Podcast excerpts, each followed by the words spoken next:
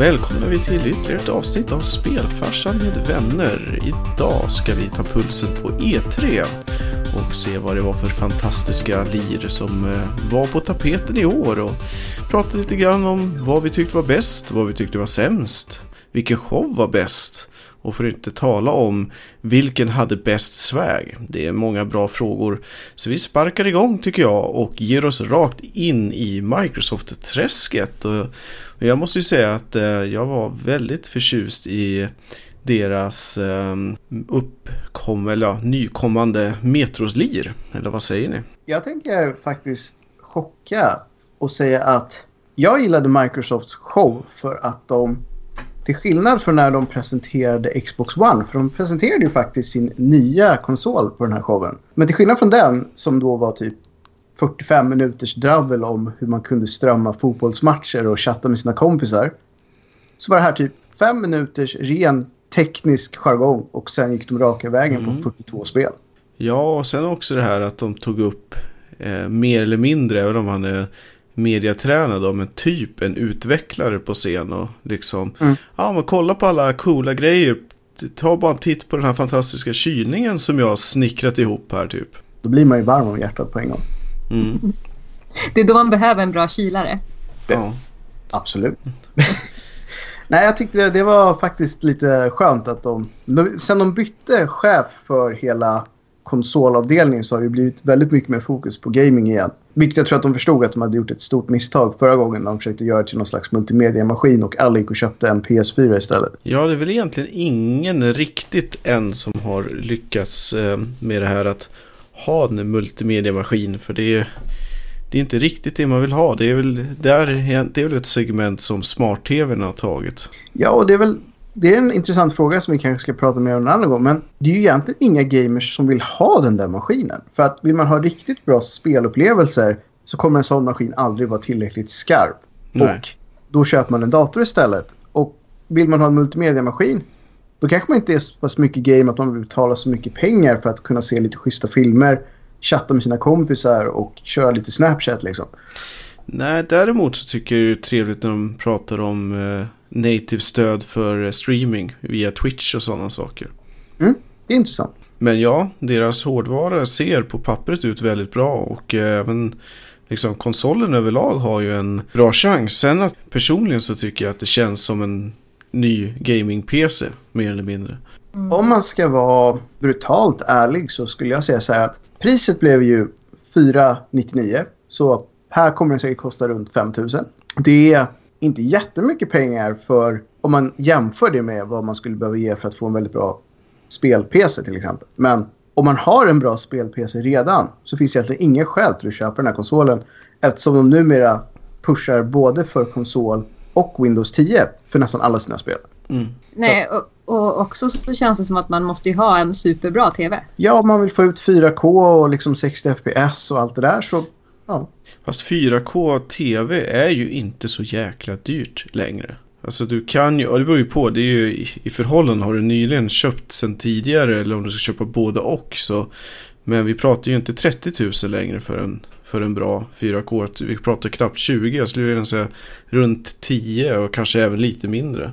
Det är ju betydligt enklare att få AAA-konsolupplevelse nu än det var för fem år sedan. Det är det ju. Men det är ju fortfarande så att Lägger man ihop allt det där så kommer du fortfarande få en spelupplevelse som är något sämre än en väldigt bra PC och en bra skärm där. Mm. Dock ska det sägas att 4K-gaming är fantastiskt. Ja, ja, ja. Så att det... har man pengarna så är det värt det. Precis, och har man inte pengarna, köp en trisslott. Nej, men... Ring Peter! ja, men är anledningen, för de hade ju också... Den är ju mycket bättre än vad PS4 Pro till exempel är. Och mm. tillsammans med en 4K-TV så får man ju säkert en superupplevelse. Men det var ju, det är ju en, del titlar som då är exklusiva för just Xbox. Men sen är det väldigt mycket som faktiskt inte är det. Kommer utvecklarna av spelen också tänka så här, nu ska vi verkligen anpassa oss så att alla spelen blir skitbra på Xbox och så bra de kan bli på en PS4? Alltså jag tror ju att eh, de kommer att gå över till att använda 4K-texturer.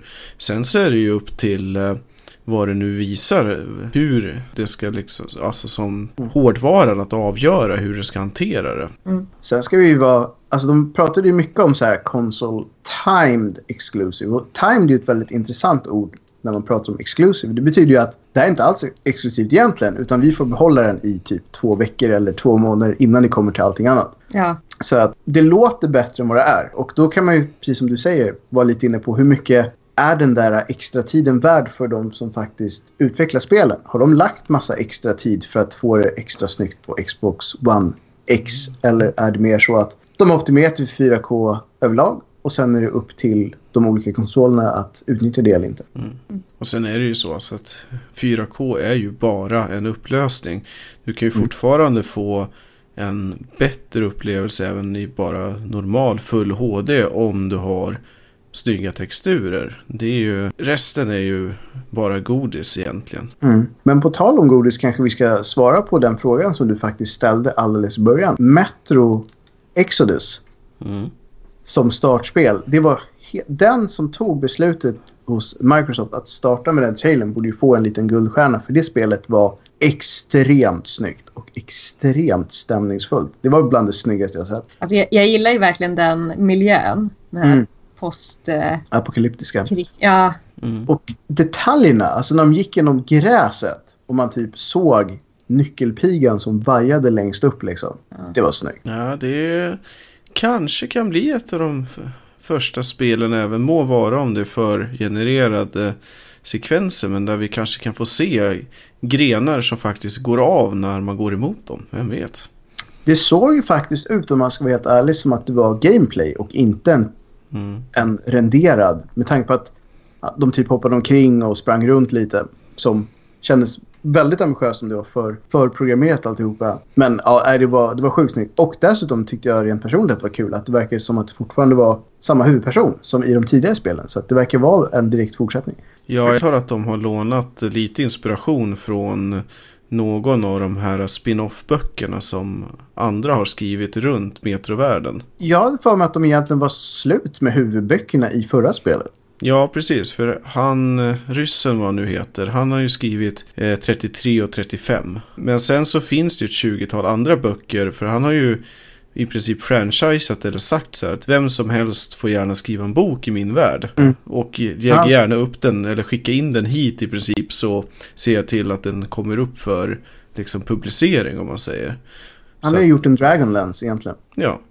Så att, eh, och där finns det ju många varianter där det inte bara är den här folket i den här tunnelbanan som har överlevt utan att det finns små celler av folk som har överlevt ja, på lite, lite fler platser runt om i världen. Då. Ja, och det såg ju... Även fast jag gillade de två andra spelen så såg det ju nu faktiskt ut som att det inte bara var så här atomöken. Utan det var ju, det var ju typ som Fallout nästan. Mm. Att det var riktig natur och massa färger, vilket ju inte är det man brukar se i de spelen direkt. Nej, men det, det var ju snack redan, eller hintades ju om i Metro 35 att det kanske fanns några som liksom har lyckats anpassa sig lite Mm. grann till den här nya världen och att eh, det kanske faktiskt skulle vara möjligt att lämna bunkern så att säga. Mm, absolut. Ja, nej, alltså... Det var inte en jättelång trailer, men det, det finns en viss hype, måste jag säga. I alla fall hos mig. Det här, det här spelet känns väldigt lovande.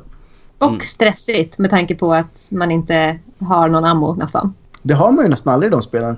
Om Nej. de speciellt håller sig fast vid det gamla konceptet att den bästa ammon används också som eh, pengar.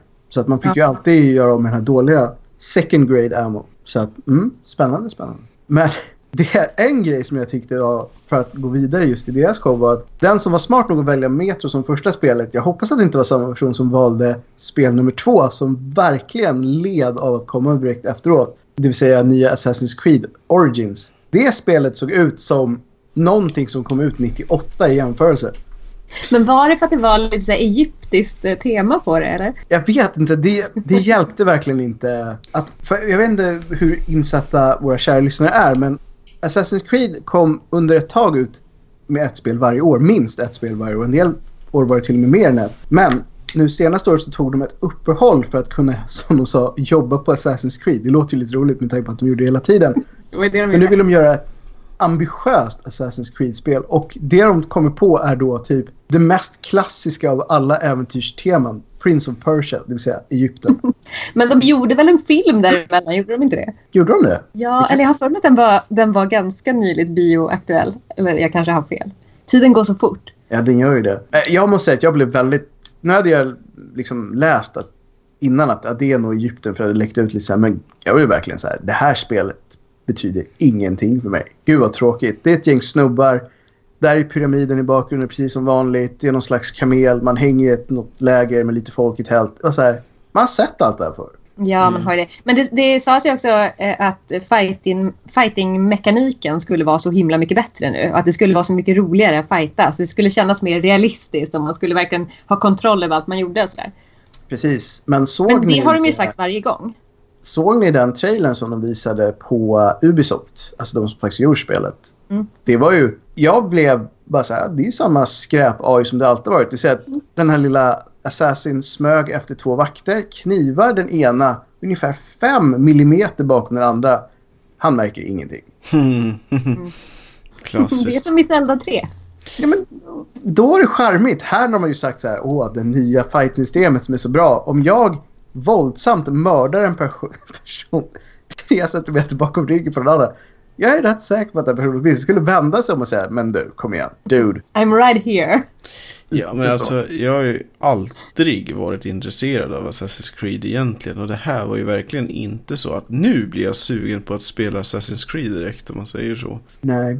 De gjorde ju en av de mest underliga besluten någonsin i E3 skulle jag säga. Att de som enda gameplay så visade de ju två stycken personer, två devs tror jag, som satt på en solig veranda med en jätteliten skärm och så filmade de den skärmen när de spelade. Det gjorde ju inte saken bättre. I någon slags motljus. Man såg ju typ ingenting för det var sol. Jag Det förstår kanske var inte det som var meningen. Det blev så här, vad gör ni? Ni dödade just hela spelet. Ja, De- Det kanske var en så här react to video som de gjorde. Hur, Jag trodde inte att det var på riktigt först, bara det är något slags skämt. Och sen så började de berätta så här, här kommer man ridandes in i byn och så här, wow. då tyckte jag det var mer spännande med Ubisofts eh, eh, Skull and Bones. Som är en spin-off på Assassin's Creed. Det är ju ett eget franchise, men de har ju plockat de bästa bitarna från Black Flag, skulle Mm. man kunna säga. Precis. Eh, ja, om, om, man, om vi hoppar fram till Ubisofts, bara för att lägga en parentes, så såg det, det, det spelet såg väldigt, väldigt roligt ut. Mm. Men innan vi egentligen hoppar någonstans så har vi ju missat ett lir som faktiskt var först. Och det var ju Forza Motorsport 7. Forza 7 ja. Mm. Mm. Och, jag vet inte om jag sa det innan, men nej det var nog, jag tror inte jag sa det till någon av eh, oss här i eh, podden. Men de har ju de senaste gångerna haft det jag brukar kalla bilporr på scen. Det vill säga att de har lanserat en ny bil varje gång de har Forza. Och visst fan rullade de in en bil den här gången också. Mm. 911 GT2 RS var det va? Ja. Som i och för sig är sjukt snygg. Det är en Porsche 911 men kan de sluta rulla in de här jävla bilarna varje gång? Vadå? Det är ju liksom tradition. Man måste rulla in en kärra där. alltid in någon så här lite små chubby snubbe i en tight läderpaj och bara Forza 7's gonna be awesome guys! I'm a professional driver! Nej det är du inte. Jag tycker det skulle vara kul om de rullade in en Fiat Punto. Mest på skoj. Vad ser den här sunkiga kärran? Så här bra kommer Ja. spelet. Det hade varit humor i alla fall. fast å andra sidan är Porsche är ju tjejbilar så att jag vet inte. Är tjejbilar och old man cars? Ja, ja, det är det nog. Men jag förstår inte riktigt så här. Ja, det är en snygg bil. Ja, ni har en deal med Porsche. Det är ju inte deras spel ett dugg bättre egentligen. Alltså nu, nu så är ju Forza-serien extremt framgångsrik i alla fall. Men det är egentligen helt ologiskt. Det är väl för att ge varumärket lite mer legitimitet antar jag. Att man säger, ja men titta här en seriös biltillverkare som faktiskt stödjer oss, bla bla bla. Ja, visst måste det vara så. Hur många miljoner har de betalat för det tror vi? Många, skulle jag gissa på. Men för det du sa, det var ändå ja, lite intressanta nyheter ändå i det spelet. Ja, dynamiskt väder var väl det som var mest, mest spännande, även om det inte direkt nyhet vet jag inte, men det såg ju snyggt ut. Ja, och de pratar ju oftast om det. Alltså, jag, jag kan vara helt ärlig, jag har inte spelat så många av Forza-spel. Jag tror jag spelade första och det andra. Tyckte inte att något av dem var särskilt roligt, men de var jättesnygga. Typ Men det är ju det som är grejen med de där spelen också. Det är ju Mm. det de lever på. De blir så snygga. Men det är lite som Fifa. Det blir så snyggt liksom. Så att det Ja, det man kan utveckla det slags- så mycket. Det blir en slags, vad ska man säga, man får vara med i en snygg film. Lite så. Mm. Mm. Och för all del, det kanske finns mycket mer djup än så. Men av det jag fick ut så minns jag som att det var extremt snyggt varje gång. Men vill man köra ett riktigt bra bilspel så har jag ofta kört någonting annat. Jag tycker det är lite knepigt att de inte hade VR-stöd till det. Ja, för det, det här är ju en genre som skulle göra sig i VR på riktigt. Ja, alltså det känns ju nästan som den som fungerar bäst om man ska vara helt ärlig. Ja, Mm. eller hur? Den och fiske. Ja. Ja, ja. We'll get to that. Men, men det, det som händer, jag tycker det går alltid en liten så här varningsklocka som ringer när de säger customize. För Mm. så fort det är customize så är det customize någonting som är helt oväsentligt. Customize your driver. Man är så här, jag vet inte vad det här ger mig rent spelmässigt att jag kan byta typ hjälm på min förare. För det är ändå bilen jag ser. Jag tror att en viss typ av spelare älskar hela micromanagement-grejen. Alltså typ, jag hänger i garaget-delen. Men, men det är egentligen inte, om man ska vara ärlig, jag tror att det, det går att applicera på vilket spel som helst. Så länge man kan bygga en bas eller bygga ett hus eller måla om något eller liksom vad som helst så skulle den typen av spelare vara intresserade. Och jag tror det, det är väl Forza-serien som har den här uh, garage find funktionen. Det vill säga att man kan hitta en gammal skräpbil och sen pimpa den i sitt garage. Mm. Men det köper jag lite mer än just att man ska hålla på med sin förare. Mm, jag tänkte säga att jag tror att det är, väl, det är väl någon slags förlängning av det beteendet tänkte jag. Då får man Ja. ha någonting att jobba med Men liksom. det är väl schysst är- att hitta en skrotig förare och sen få bygga om honom i garaget. Alltså man Ja. pimpar sin förare i garaget. Men det känns som ett annat spel. Det är som makeover-spel på något sätt. Den Det kanske är det så. då. Ja, finns det inte ett Pimp My Ride-spel någonstans? Det borde det göra definitivt. Det gör det säkert. Det är väl egentligen, eh, man har väl varit inne lite grann på det i um, eh, Gran Turismo. Ja. Ja, just det. Gran Turismo gillade jag i och för sig, så att jag ska inte...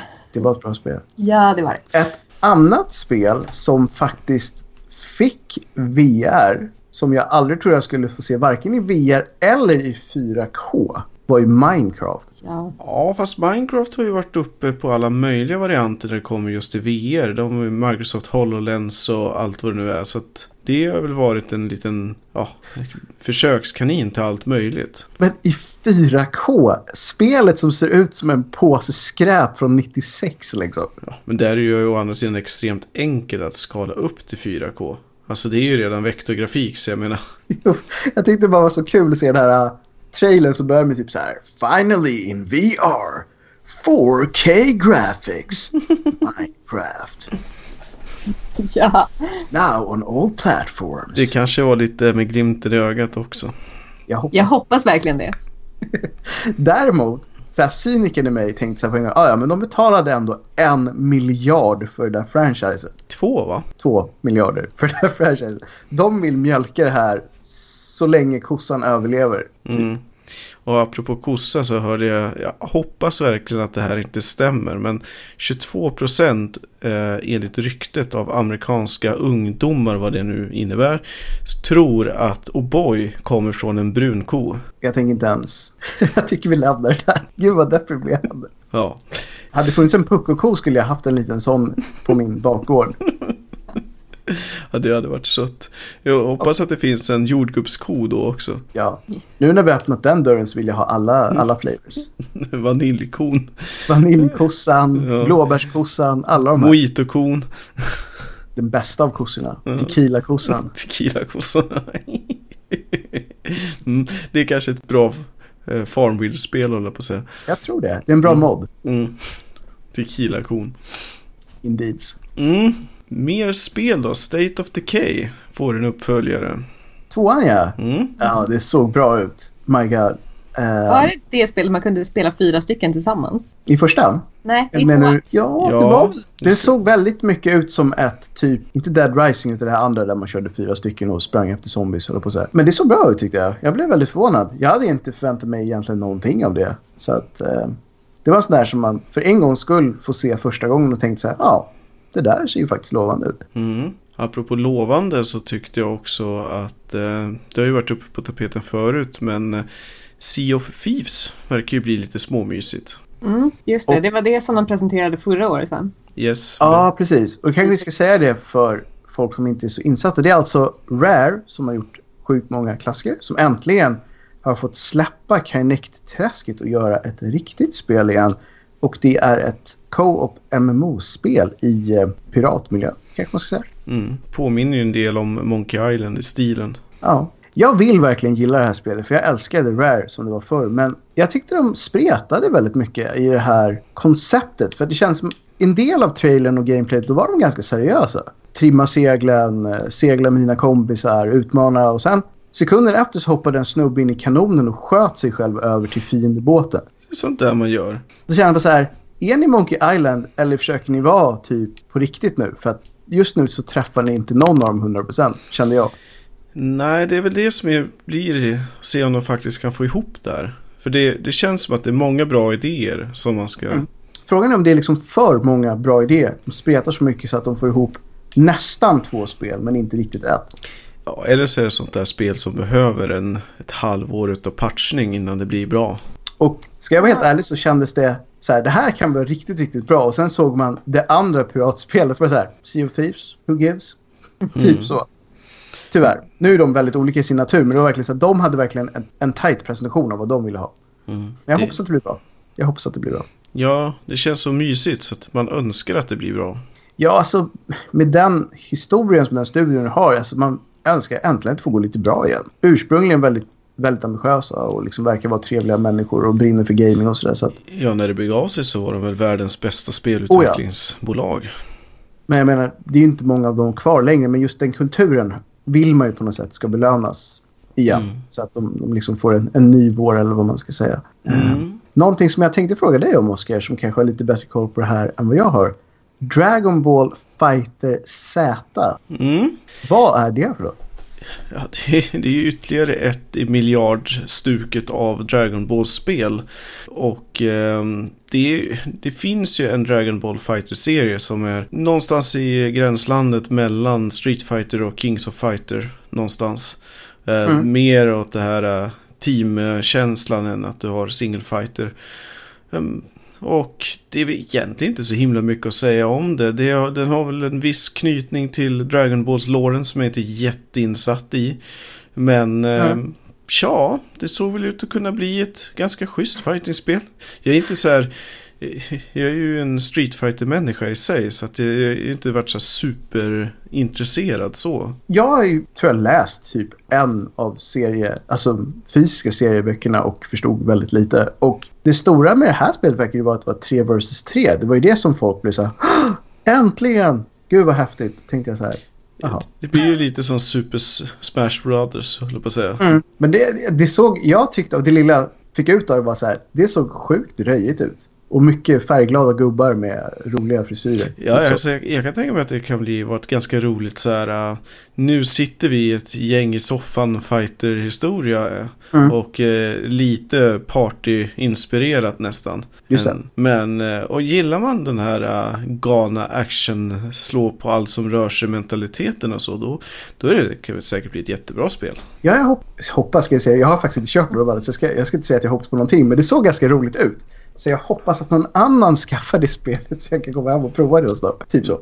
Mm, nej men vi får se. Det, det här blir säkert bra som de brukar säga. Ja. Och Linda, ditt favoritspel var ju också med. Battleground Player Unknown. yes. Så himla bra. Nu på konsol. Känns ju jättekonstigt. Det är typ ett år efter PC. Ja. Och eh, det här var ju en exclusive title så det här hoppas man ju på riktigt bra grafik då. Det är verkligen någonting som jag reagerar på. För jag har sett rätt mycket av det spelet i PC-svängen. Och jag ska vara helt br- brutalt. Jag tycker det är ett skitfult spel. Mm, Ja. ja, jag gillade det inte alls. Eh, så här, det kanske... Jag tror och har fått för mig att det är ett spel som, är man duktig på det och spelar det så är det jättekul att vara en del av det. Men att titta på det är bluff. Det är ungefär som att se att färg torkar ett gäng snubbar som väntar i ett badkar på olika ställen till att cirkeln ska krympa. Och då ruschar de i en liten go-kart till nästa badkar och sitter där ett tag. Och sen blir man skjuten på ett fält i slutet av någon som har den bästa snipern och så är det slut liksom. Ja. Ja, vad säger man? Det, det borde gå in under det här färgtorkarspelet. Alltså. Ja, alltså, jag som sagt, jag kanske har missuppfattat det och dessutom just förlämpat en stor mängd gamers ute. Men jag är ledsen, det ser fan inte snyggt ut någonstans. Något som däremot såg riktigt snyggt ut, som, det är nog det som jag var mest intresserad av under, förutom Metro, så Last Night. Den Blade Runner-känslan. Mm. My God. Ja, men det är ju verkligen så. Just om man ska, som vi brukar vara inne på, att det var bättre förr. Det här såg verkligen ut att vara bättre förr, fast nu. Ex det var jättebra summering, fast nu. Alltså jag tycker den hade en grym stämning. Jag hoppas verkligen att det blir så bra som de hade fått till trailern, för den var klockren tycker jag. Mm. Ja, men det är ju... Eh, ja, det, det var ju inte en jättelång trailer här, det får man väl kanske säga. Ja, det har ju varit lite torftigt med information än så länge. Och det, Mm. Men det, de sticker ju inte under stolen med som sagt att det är ju kraftigt influerat av eh, Blade Runner. Ja, jag menar, det är väl antagligen högst personligt. Jag tyckte att den stilen och den filmen var fantastisk. Alltså ser jag väldigt mycket fram emot det spelet. Tycker man inte om så här dystopiska neonmiljöer så såg det här säkert ut som en snoozefest. Ja, men jag tyckte direkt att jag känner igen mig från eh, Beneath the Steel Sky. Mm, mm, Så, jag håller med. Ett annat spel som jag personligen tyckte så väldigt roligt var Bandai Namcos Code Vein. Alltså Dark Souls, inte klonen kanske, men Dark Souls-liken fast med vampyr-twisten ovanpå. där Jag har vi- hoppas verkligen att det blir något. Det var ju samma sak där. Lite snålt med info, men jag gillar konceptet. Ja, lite dåligt med att man inte har några glittrande vampyrer. Hur vet vi det? Ja, i och för sig. Jag saknar de glittriga vampyrerna. Don't we all? Lyser upp tillvaron så att säga. Att vi har fastnat så länge på Microsoft-showen var ju som sagt de hade 42 spel, vilket de nämnde så här, säkert 42 gånger under showen också. Men de hade ju väldigt mycket spel och det var jättekul. Men jag skulle jättegärna se lite mer av de stora spelen än vad man faktiskt fick se. Nu fick man se ett gäng riktigt fina trailers, men det hade varit kul att se lite mer och kanske höra lite mer av de som faktiskt hade gjort spelen också för att få mer en känsla för vad faktiskt spelen handlade om. Till exempel Crackdown 3 som ju är en AAA-titel. Det enda jag kommer ihåg från det var att Terry Bruce var med, alltså han som gjorde reklam för Old Spice och skriker högt i allt han är med i. Mm. Det är så här, han är fantastisk men jag vet typ ingenting om spelet. Nej, Nej men det, det blir ju så. I och för sig så ska det väl sägas att om man verkligen vill ha mer info då skulle man väl behövt besöka i princip respektive monter där det verkligen var och liksom prata med någon där så att säga. Här var det ju Jo. intryckt i en, i en show. Det är väl kanske så det är. Det här är väl den korta versionen av, av väldigt mycket saker. Ehm, det kanske är så man får se det. Att man får lite flashar av coola saker, lite, lite reklamförpackning helt enkelt. Och sen så får man väl djupdyka lite på egen hand. Mm. Men jag tycker innan vi lämnar Microsoft så ska det också sägas att de har utlovat bakåtkompatibilitet. Mm. till original Xbox. Det är någonting som de dessutom, och det ska man säga att även nu när de gör det bara till en generation tillbaka, det kostar inte en spänn.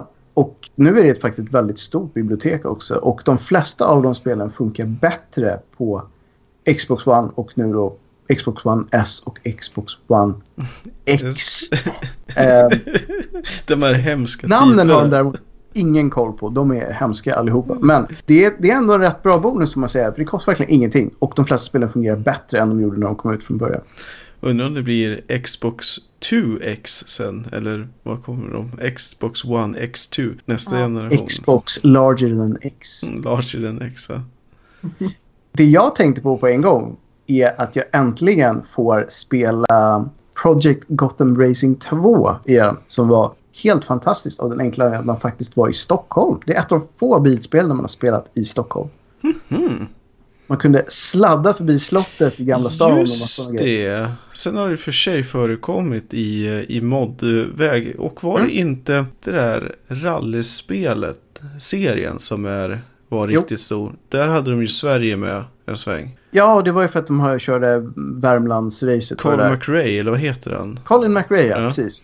För det är ju för att racet i Värmland är att de är stora på touren. Ja, nej men som sagt, värmländska skogarna, det är fantastiskt för rally. Men som sagt, jag tror det enda spelet där man faktiskt har fått sladda runt mitt i Stockholm var Project Gotham Racing. Och kanske också lite roligt att det faktiskt inte hade någonting. Alltså det var ingen studio som låg i Sverige på något sätt. Det var, var en studio som låg i England. Så det var lite lustigt. Kudos till det.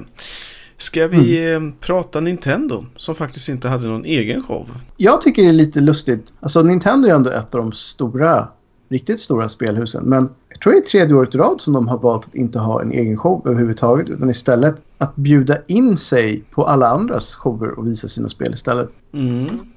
Linda, är du någon sugen på Pokémon Tournament Deluxe? Nej, faktiskt inte. Det såg ju lite gulligt ut. Och det är ju gulligt, så är det ju. Men jag är ju inte en Pokémon-spelare. Liksom. Inte på riktigt i alla fall. Nej, exakt. Jag kör ju slövarianten på bussen i telefonen. Ihop med Snorlax. Yes, numera tillsammans med Snorlax. Mm. Mm. Det var nog Ubisoft de visade, alltså deras konferens de visade det spelet. Men eh, Mario Rabbids, eller vad hette det? Mm. Ja, Rabbids. Såg så jäkla bra ut. Alltså jag blev chockad. Vi hade ja. dödat det spelet helt och hållet när jag såg posten. nej, nej, nej. Det här kan inte vara bra för de här uh, Raving Rabbids som jag tror från början är ett sidofranchise, typ Rayman eller någonting. Ja. Har jag aldrig gillat. Det var så här, det var, de spelen var hemska till 360. Jag tänkte så här, ja, ja visst, det här, nu har de cashat in igen. Och så såg man spelet. Det var typ extremt charmigt. Känns som en mysvariant av X-com. Ja. What the hell? De kanske har det. Väldigt fint, verkligen. De sa ju att de skulle göra ett, gör ett Mario-spel som aldrig har gjorts förut. Mm. jag tyckte också om eftersom man faktiskt skjuter de här rabbidsen tänkte jag först oj, man dödar saker i ett eh, Nintendo och definitivt i ett Mario-spel. Men jag vet inte om ni hörde det, de gick ju ut med hur det egentligen var efteråt för alla de chockade fansen. För man dödar ju inte de här rabbitsen när man räddar dem. så här, hur då? Nej, de är vilse och man skjuter dem tillbaka till sin egen dimension. Lite som eh, fotsoldaterna då. Ja, ja men typ. Alltså det är, så här, det är så typiskt Nintendo. Det ska alltid finnas en väldigt så här oskyldig... Silver lining, ja. Ja, men det blir ju verkligen så här. Det är så här vi beskriver livet för våra barn. Typ. Ja, men lite så. så här, nu ska du inte tro att pappa dödade de här rabbidsarna på riktigt. Utan jag skickade hem dem, okej? Okay? Så Super Mario Odyssey är då en crossover med GTA då? Nej, Super Mario Odyssey är ju ett skräckspel. För de, han besitter ju andra människor och dinosaurier och bilar och allt möjligt. De är ju besatta av Mario sen. ja, det är sant. Det är faktiskt sant. Det är liksom den mörka sidan av Mario. Ja. Har den en sån alltså? Ma ja, Wario. Ja, just det. Mm. Mm, mm. Han var ett tag som man hörde något ifrån. Får ju nästan en känsla av att de har lagt honom lite i frysen sådär. Mm. Ja, han, han, är inte lika hipp längre. Nej, jag tror att på något sätt... Jag tror att han var som störst när folk var lite trötta på Mario. Men nu är ju folk inte trötta på Mario längre. Så då funkar det bara att köra på med honom igen. Nu längtar ju folk efter ett nytt Mario-spel. Det var väl ganska många år sedan det senaste Galaxy kom ut. Jo, det är det Så att det har väl blivit lite så här... Ah, fastän det vore kul med ett Mario-spel igen. Då får, då får Mario sätta sig i frysen så länge. men det verkar ju väldigt gulligt. Så att det får man... Nintendo kan det där med gulliga saker. Det får man ja. ge dem. De har gjort det länge för all del, men när det verkligen behövs så hittar de också tillbaka dit. Nya Mario Kart ser ju lovande ut också. Jag har inte spelat några av de Mario Karten så jättemycket som kom efter det första, om jag ska vara helt ärlig. Men de är ju nästan alltid väldigt underhållande att spela i sociala gaming-situationer, eller vad man ska säga. Verkligen. Det, det känns som ett partyspel liksom. Det är ju det de är till för, lite grann. Mm. Och det är väl bra att det finns sådana fortfarande på att säga nu när det är väldigt mycket så här MMO eller att man ska leva sig in i saker över nätet med folk som sitter i helt andra liksom, världsdelar ibland. Att det faktiskt mm. finns ett spel som fortfarande gör sig bäst i soffan. Ja, liksom. alltså när kommer Super Mario MMO? Oh. I och för sig Super Mario Runner är ju lite åt det hållet. På någon konstig nivå. Mm. Som jag kan tänka mig nackdelen med ett MMO är eh, vem vill vara Little Gumbas liksom? När man kan vara de här eh, andra karaktärer. Man kanske kunde få det som straff om man har dött eller något. Att då måste man liksom bli ihjältrampad som svamp för att få återupplivas. Ja, exakt. Man får jobba sig uppåt. Så det är lite som så här reinkarnationen. Att har du varit en häftig liten grej så får du börja ditt nya liv som en Little Gumba. Och sen vidare upp via Lakatus och sådär. Och sen till slut så får man vara Luigi. Och sen när man har gått över det så kan man mm. kanske få vara en av hans, eh, Marios hangarounds. Ja, i och för sig. Eller så åker man tillbaka neråt. Precis, om det inte går bra. Men Ja. man kanske skulle kunna göra en riktigt vuxen variant av det här. Att man får bli en eh, liten svamp som en del av det här stora svampriket. Och så är egentligen Mario, Princess och allihopa, de är rena douchebags som bara sitter och regerar det här eh, landet. Och så blir det massa korruption och grejer och sådär. Och så får man bilda en liten rebellgrupp som ska ta koll på Mario. Prinsessan är ju redan en douchebag. Precis som att Toad är det. Han är ju den största douchebagen av dem alla ju. Han är lite lätt neurotisk skulle jag säga. Ja. Och men är prinsessan kan inte lära sig. Mm. Det, kan, det, det går fortfarande att göra många sidospel i den nischen. Mm. För min del så var ju förstås eh, Metroid en stor grej.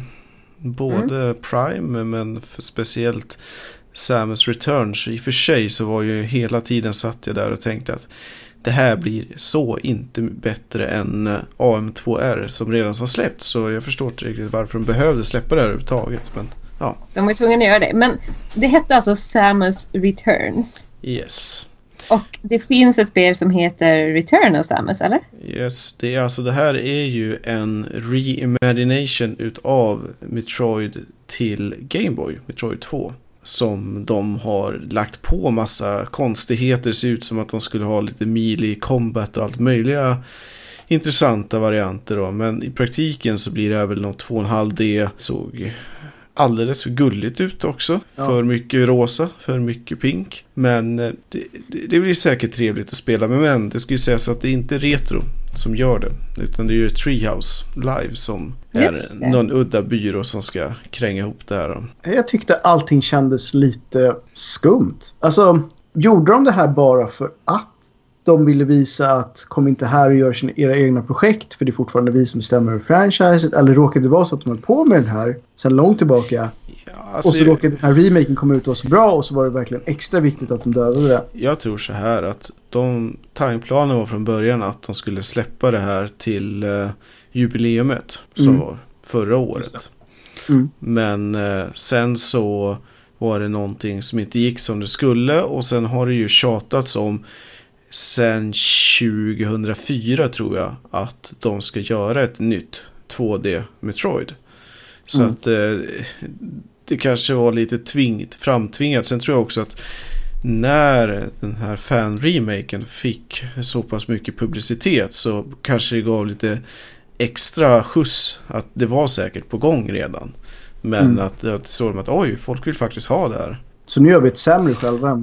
Ja, lite så. Men sen, ska, sen är det ju också så att jag tror att eh, de har ju, sen de lanserade den nya liksom, Nintendo Store-historien så har ju folk shoppat eh, förstås en del av de klassiska 2D Metroids och sådär. Så att det fanns väl alla möjliga anledningar till det. Men eh, mm, det som jag blev allra mest neggo till när jag såg det, det var ju att de har free aim varianten. Det vill säga att inga låsta vinklar utan du ska kunna sikta precis hur du vill och det har aldrig funkat. Någonsin. Nej, det blir alldeles för otajt Ja. i kontrollerna skulle jag säga. Så vi får se. Man kanske inte ska av... Jag tänker inte döma ut det på förhand, men det finns en del frågetecken skulle vi kanske kunna säga. Ja, minst sagt. Och runt eh, Metroid Prime 4 så finns det ju bara frågetecken. För det var ju bara en 4. Men där, där har vara- vi i alla fall en vettig byrå som gör det. Så att eh, det, det, det kan bli bra. Det tror jag nog. Mm. Ja.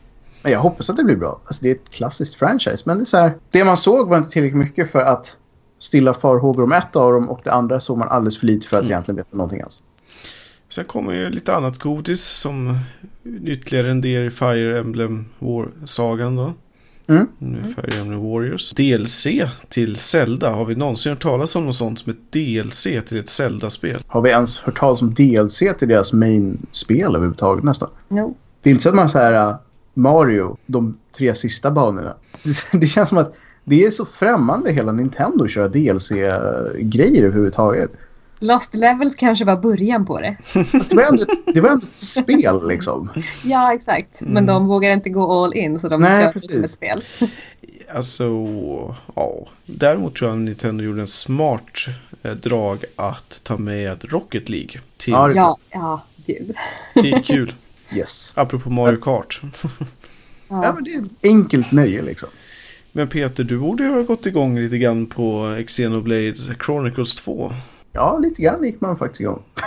det, men, Det ryckte lite i JRPG-tarmen där. alltså, man kände bara att 80 timmar till som jag skulle kunna lägga på någonting.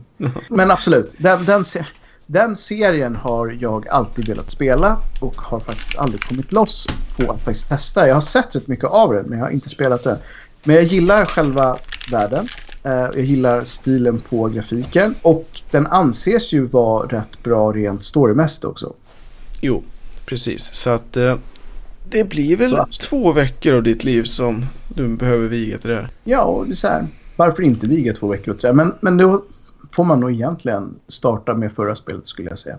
Om det nu är så att man vill få hela upplevelsen. Och det ser jag inga problem med heller. Men som nej, det, det verkar lovande. Helt klart. Mm. Någonting mer som vi vill belysa på hos Ja, Nintendo? Vi måste ju nämna Yoshi-spelet. Mm. Alltså det ser ju superkul kul ut. Det är supergulligt. Det är så himla lekfullt. Det är fantastiskt. Det är som ett barn har liksom byggt upp en värld till sin leksak och går runt i den. Det är så byggt av kartong och gamla toarullar. Det är... Jag blev helt tårögd när jag såg det här. Det var liksom Yoshi när Yoshi är som mest Yoshi. Ja, exakt. Yoshi när han är som, han är som ett barn. Liksom. Precis. Ja, men verkligen. Det här. Mm. Så jag vet Det inte riktigt vad... det här spelet. Vad hette det som, som jag tror var Microsoft Oblets? Hette det så? Det som var lite Pokémon-aktigt när man Mm. hade grödor som man fightades med. Precis. Ja, precis. Där inser man ju att det här måste vara mys. Liksom. Ja, Men, jo, jättemysigt. Jag har inte spelat många av Yoshis egna spel. Jag tror Yoshi Island är väl det enda jag faktiskt har spelat. Mm. Det var hans eget spel liksom. Men det här känns ändå som, ja, det skulle faktiskt kunna vara riktigt bra. Ja, jag tror Ja. det också. Det var lite samma tårfyllda känsla jag fick när jag verkligen fick uppleva att Fifa 2018 kommer till Switch. Precis, man dog lite inombords. Mm. Men jag undrar, använder man de här roliga... För det, blev, det var också en grej som jag eh, inte riktigt har liksom reflekterat över förrän nu. Eh, att det, det verkar ju lite kul med den här Switch-konsolen och kontrollerna. Man kan ta lös eh, de här små delarna och styra som, man, som med små Wii Nunchucks. Liksom. Mm. Plus att du kan Ja. ta med den på bussen. Man kan ta med den på bussen. Man kan bygga om sin... Det var något, något rymdspel där som man kunde bygga om sin, sitt rymdskepp genom att ändra kontrollen. Det var någonting där verkligen var, nu bygger du fysiskt och även grafiskt. Ja, det är ju lekfullt. Det är, kul. det är det som är Nintendo. Det här är ju liksom Nintendos kärna på något sätt. Det, det klassiska Nintendo är ju på något sätt någonstans, i de trakterna. Ändå. Ja, verkligen. Ja, så att säga, överlag så hyfsat spännande. Ja, kul att se lite mer Breath of the Wild också. Bara, Ja. Absolut. Det var mycket, mycket gött från Nintendo. Eh, Mm. Inte kanske lika mycket gött från Sony faktiskt. Nej. Sony kändes som ett mellanår. Ja, och efter förra året så var det väl Mm. nästan så här omöjligt för dem att inte ha ett mellanår. Om man ska vara helt ärlig. Nej, Ja. men verkligen. Man kan, inte, man kan inte jämföra förra året med årets för då blir det bara pinsamt att tänka på årets. Jag menar, förra året så hade de liksom Final Fantasy, de hade Horizon Zero Dawn. Det var Kemi. Vilket de visserligen hade i år också.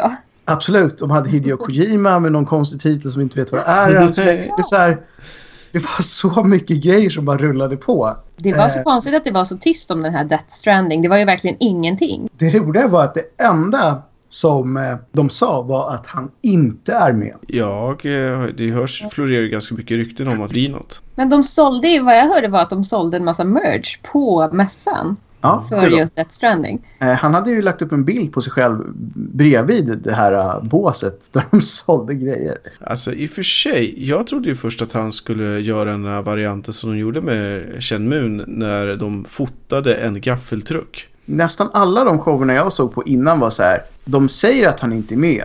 Så det är klart att han är med på något sätt. För det är Hideo Kojima. Han är en, en, liksom en joker. Och de säger att de ska inte nämna Death Stranding. Men sa de verkligen att spelet hette Death Stranding från början? Kan det vara så att de faktiskt nämner den riktiga titeln nu och så jada jada jada. Ja, Och sen blir det ingenting. Verkligen ingenting. Ja, Mm. precis. Och han har döpt om det till Wood Gear. Ja, han kunde ju döpt om det till vad som helst. Det är, Det är det här som kommer bli fiskespelet. Yay! det, då säger inte jag. ja, men det var lite av en besvikelse måste jag säga. Det Ja. känns som att de, de bygger upp värsta kulten runt det och sen får man inte se någonting. Så att det skulle ju verkligen kunna gå åt båda hållen. Det kan ju bli ett inget spel alls eller ett skitdåligt spel. Det känns som att Sony har en lite kultur av att bygga upp förväntningar kring vissa spel. Mm. Och det är ju bra tills man faktiskt släpper dem, men då måste de vara bra. Mm, mm. Men eh, några höjdpunkter hade vi ju ändå. Till exempel så såg ju DLC som är i Ja, det är väldigt stort DLC ska man säga till Horizon Zero Dawn och The Frozen Wilds. Såg väldigt bra ut. Mm, det var, det tänkte man att det här, det blir bra. Annars var det ju väldigt mycket VR. Ja, Det var det ju. Det var, ju- ja, det var ju ett spel som jag tyckte verkade spännande och det är ju eh, Inpatient. Mm. det, såg, det såg faktiskt väldigt spännande ut. Ja, jag älskade ju eh, Until Dawn. Och det här ska ju vara någon slags koppling i alla fall. Någon Mm. Det har väl någon typ av... Jag vet inte riktigt vad, vad själva kopplingen var, men det, det var ju samma liksom, stil, höll jag på att säga. Mm.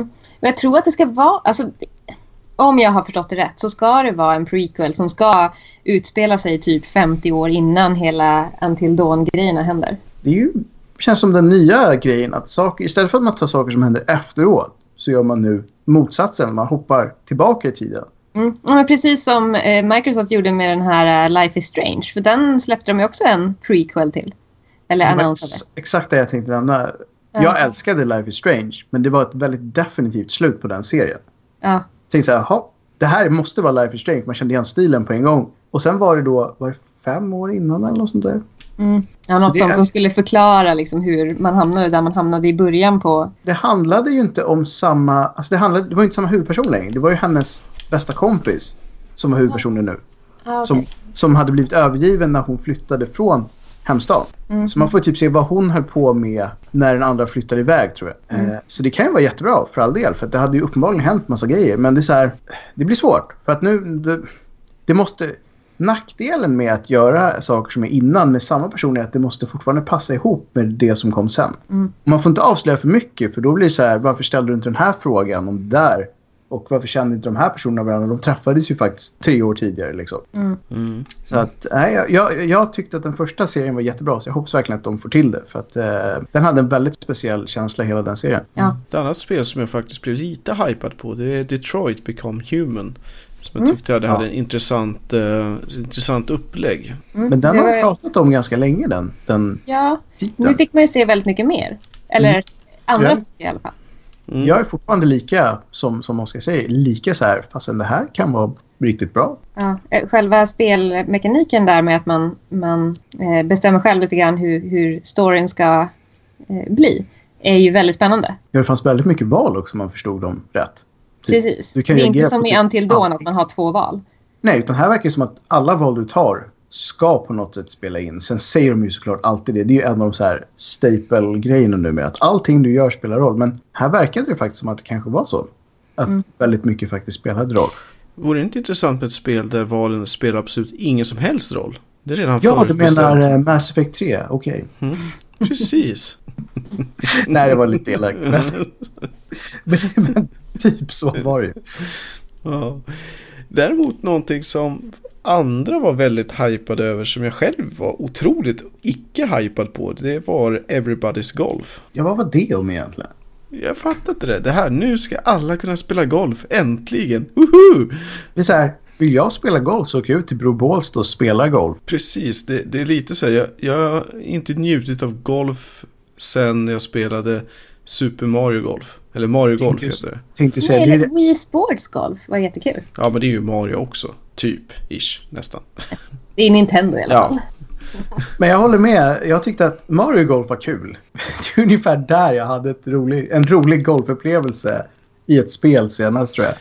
Jag hade en annan bra, apropå golfspel. Det var det här, eh, vad sjutton var det? Det fanns ett minigolfspel till eh, runt 486 där någonstans. Eh, Mm, just det. Som var riktigt så här smålurigt. Jag tror jag vet vilket du menar. Men det säger ju å andra sidan rätt mycket om när vi tyckte det här var kul senast. ja. Det är som flipperspel. Det, var, det har inte varit bra sedan Pinball Illusion. Pinball Dreams var ganska bra också. Ja, Dreams. Precis. Mm. Men Det, det var också ett tag sedan.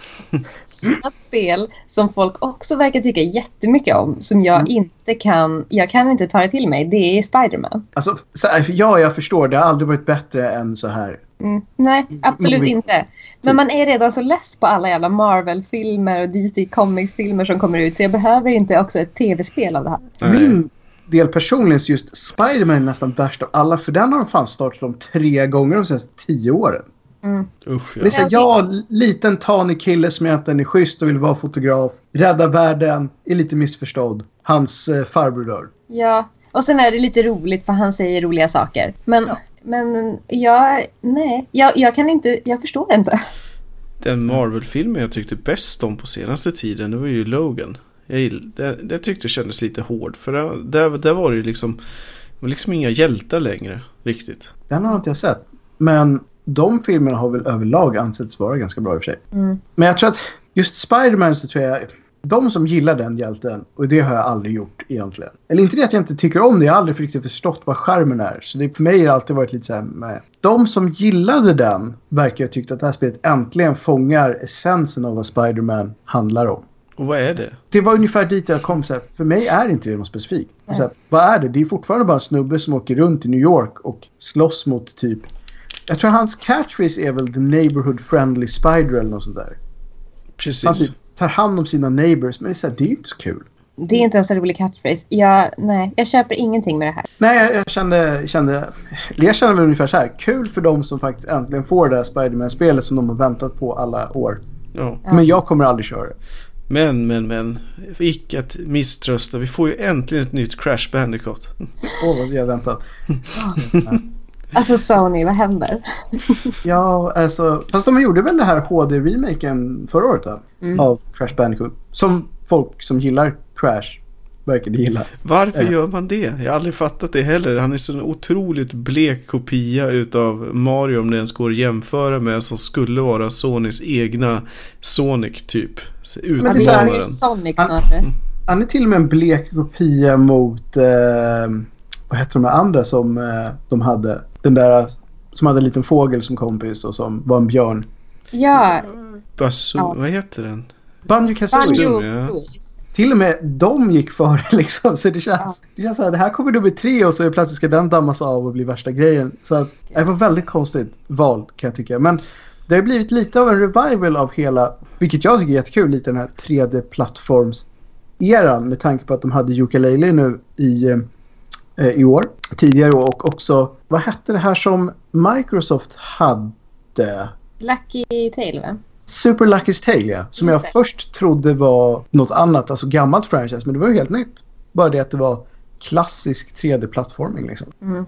Och Nintendo hade ju nytt Kirby. Mm. Så det Stor var ju där också. verkligen, verkligen. På tal om remakes. Mm. Ska vi prata om elefanten i rummet? Eller någonting annat kolossalt? Det kan vi göra. Shadow Colossus.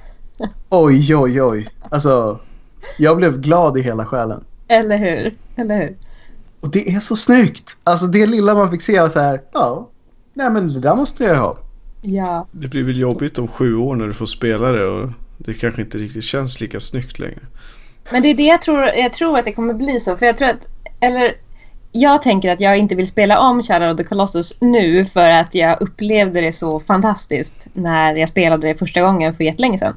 Men nu kanske det blir samma spel fast nyare känsla på något sätt så att man kommer tycka att det är okej igen. Så här är det ju att, jag vet inte hur, hur mycket ni hörde men det är samma studio som har, och det här är inte en, kanske man ska säga till alla där ute, men det är inte en eh, HD... HD-remake utan det är en helt och hållet remake. Så de bygger det från grunden upp. Fast det är identiskt material. Så det kommer vara samma spel fast de behåller ingenting av det gamla utan de bygger om det från grunden. Och det är den spelstudion som gjorde HD-uppdateringen av det gamla spelet som gör det här. Så att de är ju väldigt, väldigt kunniga i vad som gjorde det här spelet bra. Jag tror att det kommer bli fantastiskt. Och de skulle uppdatera kontrollerna så att de var lite mer moderna sa de. Men man kunde välja det gamla om man ville och det gillar jag att man Mm. faktiskt kan få välja. Mm. Ehm, för att en del kommer ju som alltid tycka att det var bättre förr. Jag tycker Sony, eller vad säger jag, tycker Square Enix verkligen borde prata med de här grabbarna. Ja. Om en viss annan titel, absolut. Jo, men jag tycker just att så här, jag tyckte personligen att det enda som jag aldrig riktigt var bekväm med i gamla spelet var att kontrollen var inte jättebra. Spelet var fantastiskt men kontrollen var aldrig jättetajta. Men en del tyckte säkert att det var så. Då ska väl de kunna få köra det även i liksom, den nya varianten. Det kan inte vara jättesvårt att implementera. Men just att de gör det tycker jag är värt ganska mycket. Det enda som jag redan har hört en del säga däremot att om de nu ska göra om det här spelet varför kunde de inte petat in de här grejerna som de inte fick plats med förra gången? Mm. De sa ju ändå att det var typ sex eller sju stycken Colossus-bossar som de hade både designat och funderat ut var de skulle vara någonstans på kartan men som sen aldrig fick plats för att Vem vet, de kanske släpper det som en bonus. en kolossal bonus. Mm. Eller sju stycken DLC. Ja, den, Ja. den vore snygg. De väger så mycket så att man kan släppa dem en i taget. Liksom. Ja, det det, jag blev glad. Jag hoppas verkligen att det blir bra. Jag hoppas verkligen ja, det det hoppas jag också. Någon eh, annan liten trevlig titel som man vill nämna innan vi packar ihop för kvällen. Ja, en liten blurb skulle jag säga. Ehm, nya Wolfenstein från, som var med på Bethesdas. ehm, ja, det var väl en av deras stora titlar egentligen. Som är från svenska Machine Games. Såg jättebra ut. Vampire tyckte jag såg lite kul ut. Det, det såg faktiskt väldigt lovande ut också. Mm. Och ett av mina favoritspel från eh, förra generationen, Ori and the Will of the Ja. Wisps, Mhm, mm. såg fruktansvärt stämningsfullt ut. Jag hoppas verkligen att det blir bra. Ja, det var ju, man fick inte se så mycket riktigt content. Men stämningen, musiken, den ledsna ugglan, alltså allt det där var ju bara... Det var ju mys. Såg Men det jag funderar på, den, den ledsna ugglan, det måste ju nästan alltså då ha varit den barnet till ugglan som man, spoiler, hade ihjäl i första spelet. Ja, eller hur? För att det, det kan ju inte vara samma uggla, cause, cause it dead. it, it, it's so dead. Yes. Ja, vill man vara snäll mot ugglor så ska man ju spela Oldboy i så fall. Ja, det är också ett bra spel. Bloodstained Rituals of the Night apropå vampyrer. Mm. Kan bli bra. Det måste ju alltid vara några vampyrspel med. Det känns, det känns ändå som att de man fick se, det var väl inte så här, ingen av dem som kändes dåliga liksom. Och om jag inte minns helt fel så tyckte jag att det hörde det yttra typ att det nya Need for Speed verkar något som faktiskt ser kul ut. Ja, Need for Speed Payback. En, den serien som jag har förklarat död i tio år. Helt plötsligt så sitter jag så här. Fan, det där ser ut som Burnout. Och sen så typ kollar jag upp det och så bara, aha. Det är för detta Criterion som har gjort det här spelet. Det vill säga de som gjorde Burnout. Eh, Så det här kanske är, är någonting att ha på riktigt. Jag skulle säga så här att gameplayet såg ut som att det var väldigt inspirerat av Burnout. Jag älskade det. Det var så här extremt snygga kollisioner och det var väldigt arkadigt. Sen var storyn en... Ju mindre man säger om storyn desto bättre tror jag. För det känns som att det var så här, det enda som saknades från de cutscenes var Dwayne The Rock Johnson och Vin Diesel. Ja. Ungefär så. Var är de?